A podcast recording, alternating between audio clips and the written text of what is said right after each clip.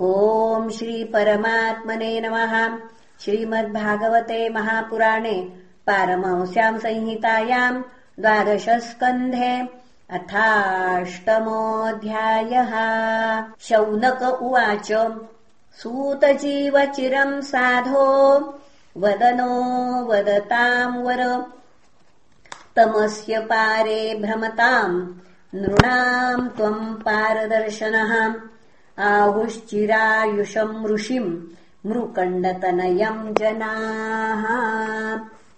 यः कल्पान्ते उर्वरितो येन ग्रस्तमिदम् जगत् स वा अस्मत्कुलोत्पन्नः कल्पेऽस्मिन् भार्गवर्षवः।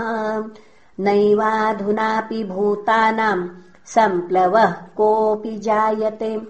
एक एवार्णवे भ्राम्यन् ददर्श पुरुषम् किल वटपत्रपुटे तोकम् शयानम् त्वेकमद्भुतम् एष नः संशयो भूयान् सूतकौतूहलम् यतः तम् न छिन्धि महायोगिन् पुराणेष्वपि सम्मतः।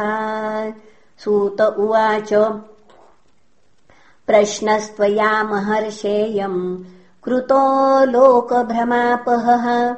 नारायणकथा यत्र गीता कलिमलापः प्राप्तद्विजातिसंस्कारो मार्कण्डेयपितुः क्रमात् छन्दांस्यधीत्यधर्मेण तपःस्वाध्यायसंयुतः। बृहद्व्रतधरः शान्तो जटिलो वल्कलाम्बरः बिभ्रत्कमण्डलुम् दण्डमुपवीतम् समेखलम् कृष्णाजिनम् साक्ष्यसूत्रम् कुशांश्च नियमर्धये अग्न्यर्क्यगुरुविप्रात्म स्वर्चयन् सन्ध्ययोर्हरिम् सायम् प्रातः स गुरवे भैक्षमाहृत्य वाग्यतः बुभुजे गुरुवरनुज्ञातः सकृन्नो चेदुपोषितः एवम् तपःस्वाध्यायपरो वर्षाणामयुतायुतम्। आराधयन् ऋषिकेशम्। जिज्ञे मृत्युम् सुदुर्जयम्। ब्रह्मा भृगुर्भवो दक्षो। ब्रह्मपुत्राश्च ये परे। नृदेवपितृभूतानि तेनासन्नतिविस्मिताः इत्थम् बृहद्व्रतधरस्तपः स्वाध्यायसंयमैः दध्यावधोक्षजम् योगी ध्वस्तक्लेशान्तरात्मना। तस्यैवम् युञ्जतश्चित्तम् महायोगेन योगिनः। व्यतीताय महान् कालो मन्वन्तरषडात्मकः। एतत्पुरन्दरो ज्ञात्वा सप्तमेऽस्मिन् किलान्तरे तपो विशङ्कितो ब्रह्मन्नारेभे तद्विघातनम् गन्धर्वात्सरसः कामम् वसन्तमलयानिलौ मुनये प्रेषयामास। रजस्तोकमदौ तथा ते वै तदाश्रमम् जग्मुर्हिमाद्रे पार्श्वत् उत्तरे।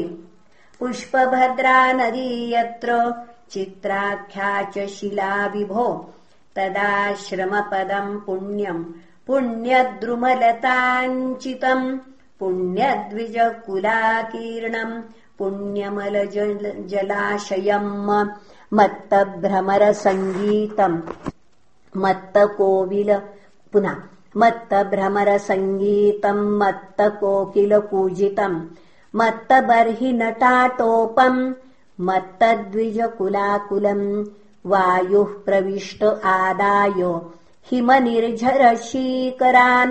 सुमनोभिपरिष्वक्तो ववावृत्तम् भयन् स्मरन् उच्चचन्द्रनिशावक्त्र पुनः उद्यच्चक्रनिशावक्त्र प्रवालस्तबकालिभिः गोपद्रुमलता जालैस्तत्रासीत्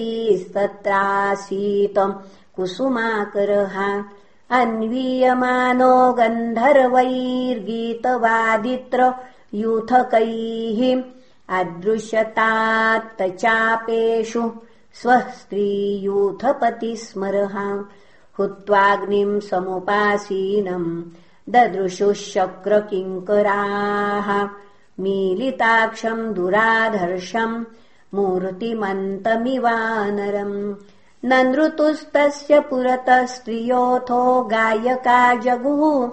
मृदङ्गवीणापणवैर्वाद्यम् चक्रुर्मनोरमम् सन्दधेऽस्त्रम् स्वधनुषि कामः पञ्चमुखम् न तदा।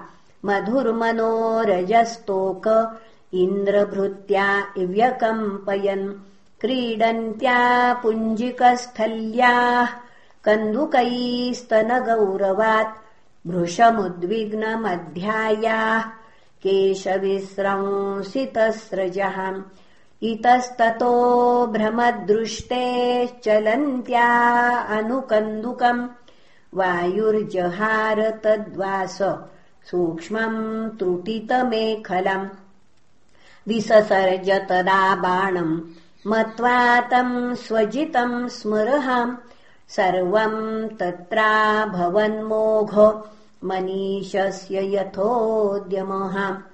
त इत्थमपकुर्वन्तो मुनेस्तत्तेजसा मुने दह्यमानानिववृतुः प्रबोध्याहिमिवार्भकाः। इतीन्द्रानुचरै ब्रह्मन् दर्शितोऽपि महामुनिः यत्रागादहमो भावम् न तच्चित्रम् महत्सुहिम् दृष्ट्वा निस्तेजसम् कामम् सगणम् भगवान् स्वराट् श्रुत्वानुभावम् ब्रह्मर्षेर्विस्मयम् समगात्परम् तस्यैवम् युञ्जितश्चित्तम् तपःस्वाध्यायसंयमैः अनुग्रहायाभिरासीन्नरनारायणो हरिः। तौ शुक्लकृष्णौ नवकञ्जलोचनौ चतुर्भुजौ रौरवल्कलाम्बरौ पवित्रपाणी उपवीतकम् त्रिवृत् कमण्डलुम् दण्डमृजुम् च वैष्णवम् पद्माक्षमालामुत जन्तुमार्जनम् वेदम् च साक्षात्तप रूपिणौ।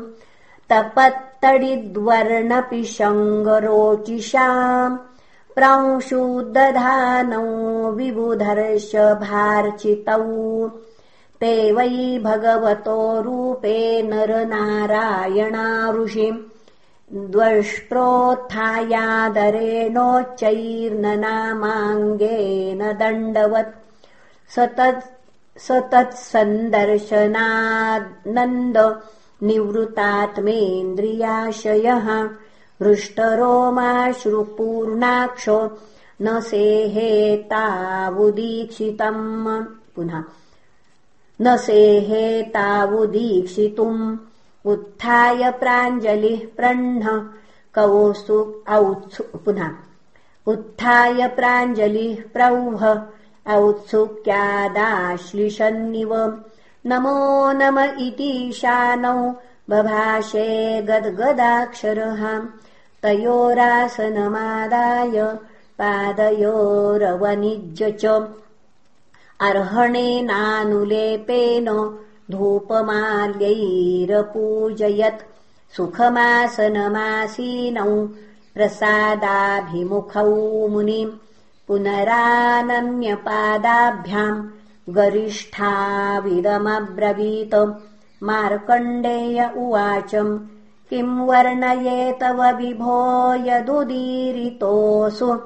संस्पन्दते तमनुवाङ्मन इन्द्रियाणि स्पन्दन्ति वै तनुभृतामज शर्वयोश्च स्वस्याप्यथापि भजतामसि भावबन्धुः।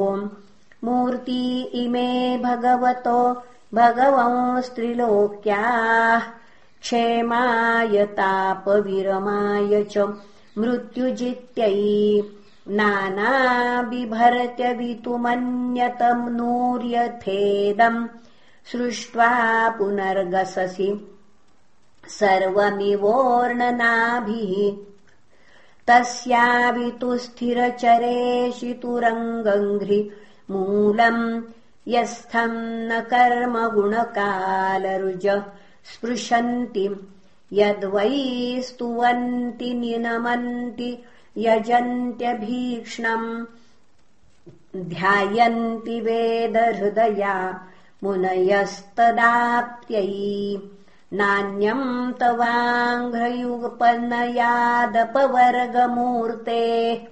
क्षेमम् जनस्य परितोभिय ईश विद्मः ब्रह्मा बिभेत्यलमतो द्विपरार्धधीष्ण्य।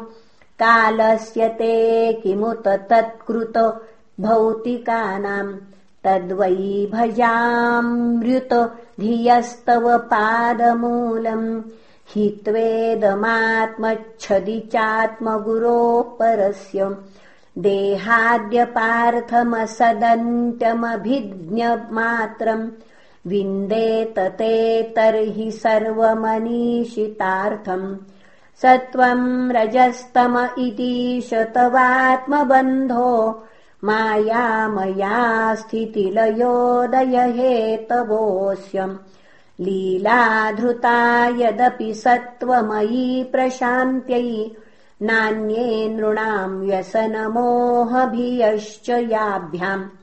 तस्मात्तवेह भगवन्नथ तावकानाम् शुक्लाम् तनुम् स्वदयिताम् कुशला भजन्ति यत्सात्वताः पुरुषरूपमुशन्ति सत्त्वम् लोको यतो भयमुतात्मसुखम् न चान्यत्।